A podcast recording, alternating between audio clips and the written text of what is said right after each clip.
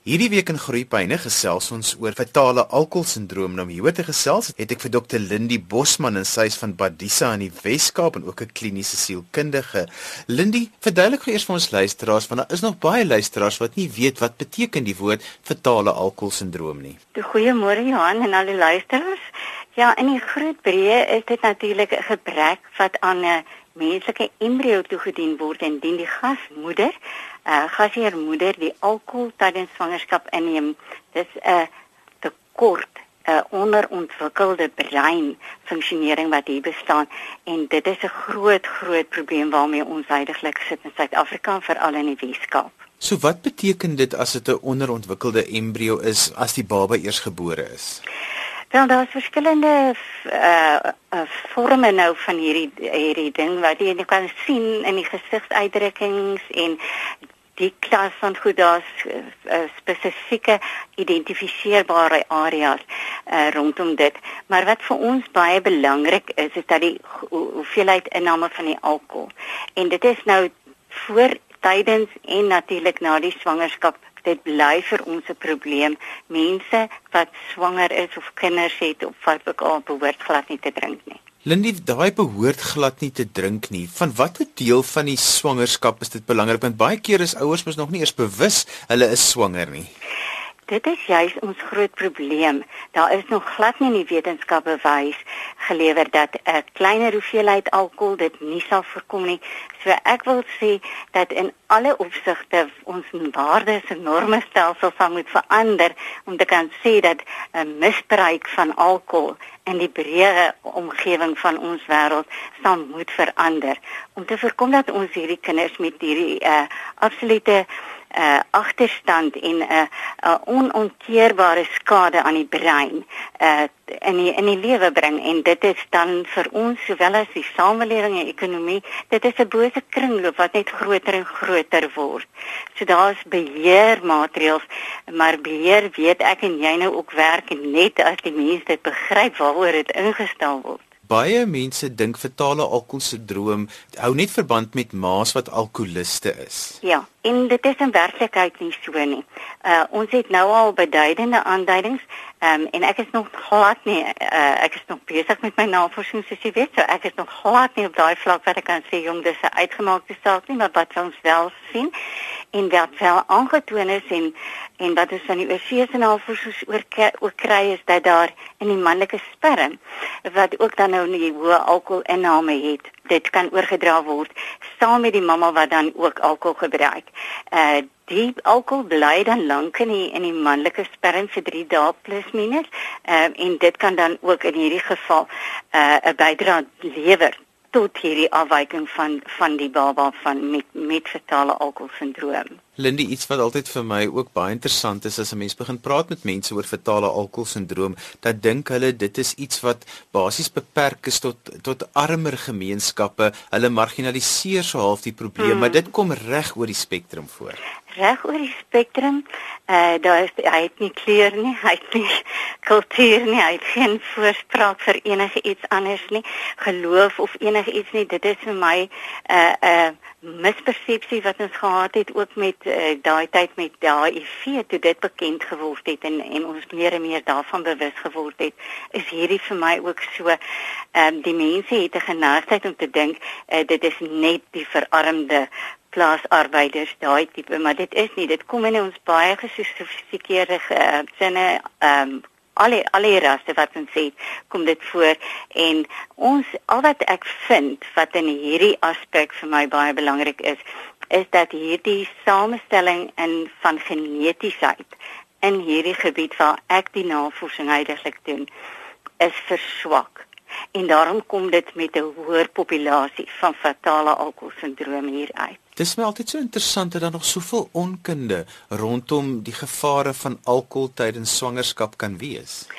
Ja, as ons kyk na die omvangryke uh, bewusmakingsprogramme en die hoeveelheid geld wat daaraan geskenk word om dit te doen, en daar is nog steeds 'n tekort aan navorsers wat bereid is om daai werk te doen. Is dit vir ons 'n uh, 'n kommernis uh, Johan en dit is 'n dit uh, hier uh, is dit vir my duidelik waaroor dit nog voortdurend daar is En dit is omdat die ons hier werk met 'n fatale alkohol mamma. Sy was 'n fatale alkohol geval en sy het nou 'n fatale alkohol baba want haar afhanklikheidsfaktor sy kon nie ontwikkel nie en haar afhanklikheidsfaktor is groter. Met ander woorde sy het op 'n vroeë ouderdom selfs so oud soos 9 en partykeer 7 wat hulle skelm al begin drink. En daai gedeelte is as gevolg van die feit dat die mamma tydens na die swangerskap ook drink en die moedersmelk net soveel alkohol bevat So dit hierdie ding is dit daai mamma het nie begrip daarvoor nie en sy bring so kind in die wêreld. Jy kan vir haar regtig waar op elke oomblik van die dag herinner daaraan dat alkohol veroorsaak hierdie siekte en sy gaan dit geen begrip daarvoor hê nie. Vertale alkoholsindroom, dit is nie iets wat omkeerbaar is nie, nê? Nee, nee daar's niks nie. Dit is regtig amper als wat ek wil sê en dit klink vreeslik, maar dis 'n doodsvonnis uh, ons kan nie dit herstel nie en ons moet nou dringend soek na na wat ons heidaglik mee sê die kinders wat ons heidaglik mee sê ons moet die probleem stop en dan ook die kinders wat ons heidaglik mee sê hoe gaan ons hulle onderrig hoe gaan ons hulle kundigheid leer hoe gaan ons vaardigheid en ek dink as navorser is jy self bewus daarvan dat dit is 'n uitdagende uh, situasie want elke kind is uniek So hier is voorkoming absoluut die belangrikste aspek. Ja, nog steeds. Sou ek sê die voorkoming en dan die nasorg. Jy weet om om by so 'n familietjie te bly en na te gaan en te help want om ek ek werk op die oomblik het ek die voorreg om met ses gesinne wat vier geslagte uh, wat ek kan identifiseer in hierdie kokon is en ek sê vir jou dit is absoluut hartverskeurende te sien hoe meer en meer afwykende gedrag voorkom en hoe minder en minder ons daaraan kan doen. Maar wat wel waar is, is dat die leerfaktore rondom dit. Ehm um, word nou vir my 'n uh, baie belangrikheid in die skole as jy vat uh, in 'n skool hier in die platteland van 680 leerders waarvan 40% met hierdie al fatale alkoholsindroom sit, dan kan ons ons begin sê, "Wow, erns moet iets nou tot stilstand kom en al, ons moet nou indringend na die onderwys situasie rondom dit kyk. Lindy vertel 'n bietjie vir ons hoe lyk 'n fetale alkoholsindroom baba en hoe so 'n kind se ontwikkeling ook dan is. Dit is die voorkoms van die baba natuurlik baie keer is daar glad nie facial voorkoms nie, weet sy gesiggie sin so aan nie. Maar eh, eh, en kom jy dit eers agter wanneer die kleuter ontwikkel maar wat ons wel waarneem is die klein gesiggie. Die grootte van die skele is natuurlik uh, baie kleiner as 45 uh, cm en dan die vernouing van die oogies en ook die sig is baie swakker in die smal bo-lippie en dan ehm um, die uh, gehele al klein ledemate uh, wat hierdie hierdie babatjie dan toon. En dit is 'n kosbare kosbaarheid om hulle te sien. Ehm uh, en 'n dierbaarheid as jy hulle sien, wat kan jy hulle net nie los nie. Ek ek dra hulle die hele wêreld rond. Uh en da, hierdie kleintjies het soveel vertroeteling nodig. Jy luister na Groepyne hier op RSG 100 tot 104 FM en wêreldwyd op die internet by rsg.co.za. Jy kan ook na ons luister op die DStv audiokanaal 813. My gas vandag is Dr. Lindy Bosman en ons praat oor fetale alkoholsindroom. Lindy, wat kan ons doen in gemeenskappe om die bewusmaking oor fetale alkoholsindroom net soveel groter te maak? Ek dink die eerste ding wat moet begin is ek uh, in 'n kleiner moet ons maar kyk na die gesin want die gesin is jou eerste gemeenskap nê die klein die waarmee die kind te doen kry is die gesin en dan gaan hy na die groter gemeenskap die familie rondom daai tipe van goed. So ons moet by die gesin begin maar die waardesisteme en die normes moet terugkom. En uh, daardie waardesisteme en normes kan ons alleenlik doen as ons dit kan regkry om die kinders wat in sulke gehaaglike situasies is onmiddellik na geboorte weg te kan vat en dit hulle in 'n omgewing te kan plaas waar ons die minimale uh, stresfaktor het wat ons hierdie kinders se gedrag en en se opvoeding en sy uh die early childhood development ontwikkeling, die vroeë kinderontwikkeling.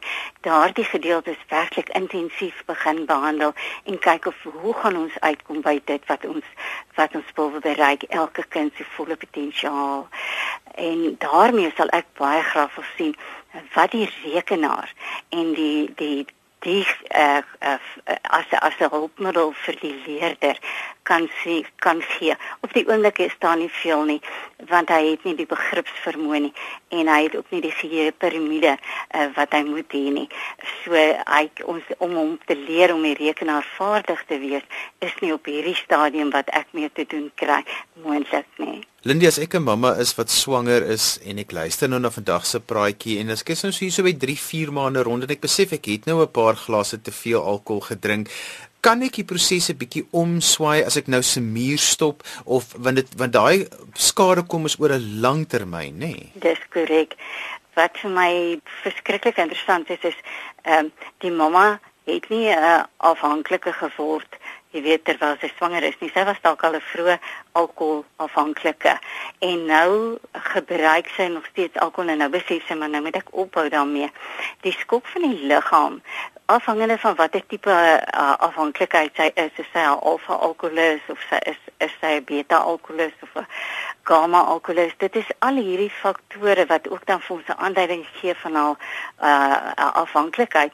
En die skok wat dit op die liggaam gaan hê en sowel as op die baba want hy gaan nou hierdie hierdie effek ook hê van onttrekkingssimptome en ons sal nie kan sê wat daai onttrekkingssimptome aan 'n baba se skade nog verder sal kan doen nie. So moet ek nou aanhou drink? Nee, verseker nie. Hou stop ek se meer ja dadelik.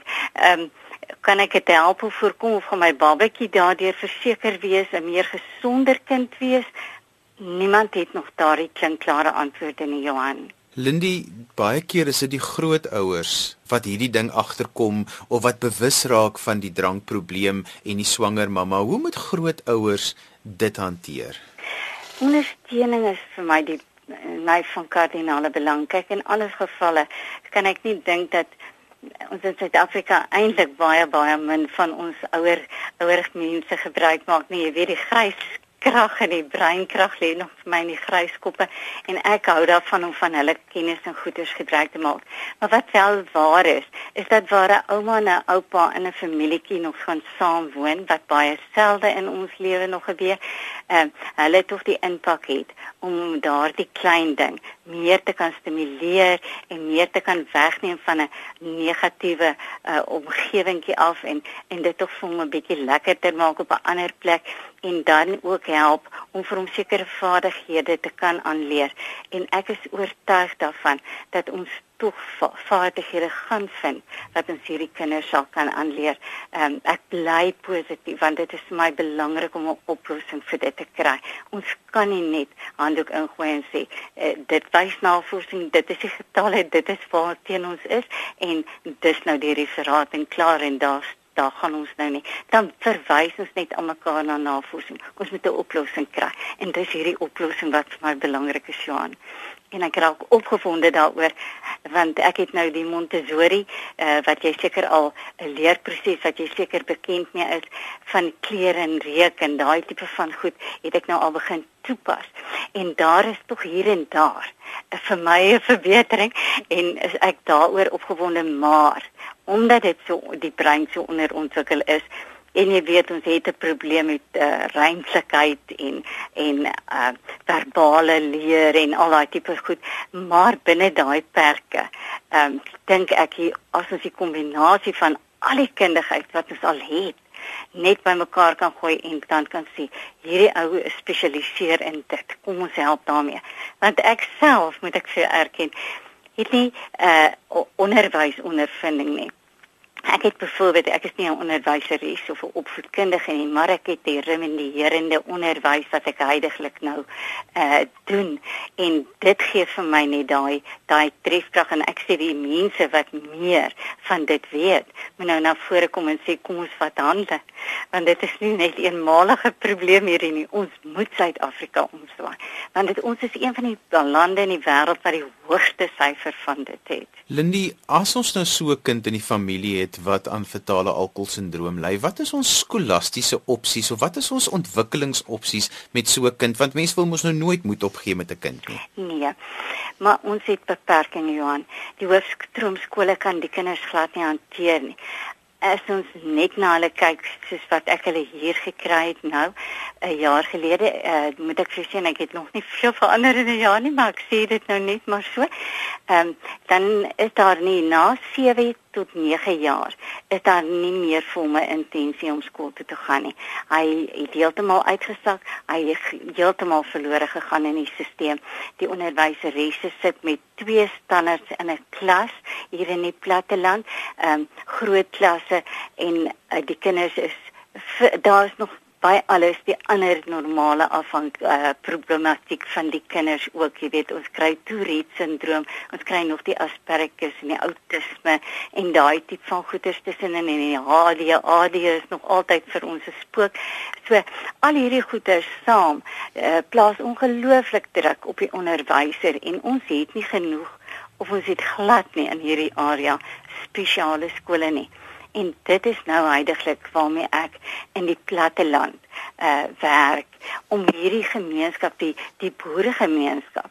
Te sê kom ons bou 'n skool 'n sentra waarin ons hierdie kinders kan akkommodeer waar ons net hierdie kinders nie noodwendig soos 'n vaardigheidskool jy weet uh, daar is 'n oudtshoring vaardigheidskole ensovoorts daai vaardigheidskole is nog steeds raak die fatale alkoholsindroom kind verlore daarin want hy kan nie daai vaardigheid nie sy koördinasie en goeders is nie daar nie. Ek meen hy het nie hy het nie uh, kleur nie. Hy, hy as hy hy meeste van hulle is kleurblind so jy kan nie regtig met kleurblokkies werk nie en die ander gedeelte is die hand-oog koördinasie is nie daar nie. En ehm um, hy kan nie met insig sien nie, met ander woorde hy kan glad nie driedimensioneel sien nie. En die, dit is probleme wat ons wat ons mee sit wat ons eers moet regmaak om dan te kan vorder en vorder en dit stapsgewys en dit stadig. En as jy vat van 7 9 jaar oud Johan regtig waar hier is van ons kinders van 9 tot en met 17 18 wat die staat nou nie meer hulle op hulle boeke het as skolasties nie wat by die huise sit. 'n 7 jarige seentjie wat by die huis sit hy gaan vang vis. Hy gaan nie skool toe nie want hy kan nie verstaan nie hy het nie 'n geheue nie. Die juffrou sê maak toe die deur dan staan as hy die begrip wat sy begryp wat sy sê staan op en maak toe die deur agter jou dan en sy doen dit en hy volg dit na sy reg môre kom hy in die klas gestap sy sê maak toe die deur hy, hy het nie daai onthou ek moet die deur toe maak nie en hy hy slaan 'n blank hy kyk haar met oë asof daar nog nooit iets aangegaan het nie Dit is vir ons werklik waar. Lindy, hoe word kinders as fetale alkoholsindroom gediagnoseer? Wat is die proses? Op hierdie stadium gaan dit natuurlik vir my oor die na uh, die navorsing waarin ons sien uh, dat ons na die uh, absolute geskiedenis kyk en natuurlik die omskrywing van die fatale alkoholsindroom sigbare simptome. En hy word geklassifiseer onder die ICD-10 kode Q86.0 en dit is maar die uh, in in wat ons in die in die uh, sielkunde hulle klassifiseer onder dit is die totale la uh IK IK in uh groepe wat natuurlik onderpresteer onder die 70 vlakke uh 65 70 vlakke. So dit is vir ons baie baie belangrik dat ons weet hierdie kinders is regtig baie baie onderontwikkel. Jy kry hoe swakker die genetiese afhanklikheid word uh, in die in die mens die afhanklikheidsfaktor maar ook die swakker gene van die mens word. Want in die 4de en die 5de geslag het ek nou 'n 2-jarige dogtertjie wat uh, al met hartdefekte en so voorts gebore word. Sy kan byvoorbeeld nie loop nie want haar liggaam wees te swak om haar beentjies te dra. So 'n 2-jarige wat eintlik al moet woelig wees en rondhardloop en daai tipe van dinge word totaal gerem en hierdie kinders word dan ook sonder toesig soms in kamers en goed toegesluit wanneer die ouers seisoenwerkers ensovoorts is. Lindy, waar kan mense meer inligting oor fetale alkoholsindroom kry? Ek weet Padisa doen ongelooflike werk in die platteland. Op hierdie stadium is ons baie in kontak met met ons buitelandse ontwikkelaars en en uh, uh navorsers. Ek werk baie nou saam met Kanada.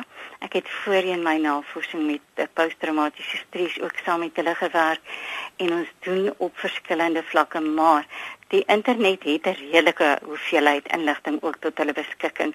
Vir my is dit net belangrik dat 'n mens die geleentheid kry om hierdie ding te bespreek en te bespreek en regtig die vrae te beantwoord wat die mense wil hê. Dit help nie ek vertel hulle van die uh, ganglion en die en die dieper brein en die in die hippocalamus en daai tipe van goed nie want hulle gaan dit nie verstaan nie.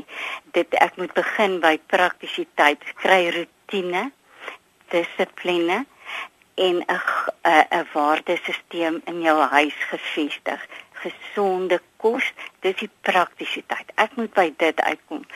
Die res moet ons dan stelselmatig ontwikkel. Lindy, as mense met jou wil kontak maak, hoe kan hulle dit doen? Weet jy, hulle kan enige tyd die Bedisa kantore in Lady Smith by die stadium kontak. Uh, ek gaan daarom nog hier ruk betrokke wees en dan ehm uh, Ja, ek het 'n e-pos as hulle dalk die e-pos wil gebruik, is hulle meer as welkom, maar ek gee graag vir jou die Bedisa kantoor se nommer as dit reg is. Asseblief, en gryp 'n pen, skryf gou hierdie nommer af.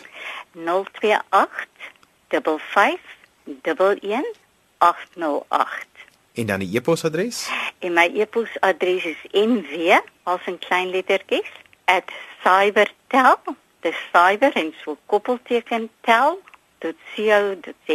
Dis en alwaar ons tyd het vandag. Onthou jy kan weer na vandag se program luister as 'n pot gooi. Laai dit af by rsg.co.za. Ons het vandag gesels oor fetale alkoholsindroom. My gas was Dr. Lindy Bosman en sy is 'n kliniese sielkundige en sy werk daar in die Lady Smith omgewing. Skryf gerus vir my e-pos by groeipyne@rsg.co.za as jy Lindy se kontakbesonderhede soek, dan stuur ek dit vir jou aan. daarmee groet ek dan vir vandag. Tot volgende week van my Johan van Lille. Totsiens.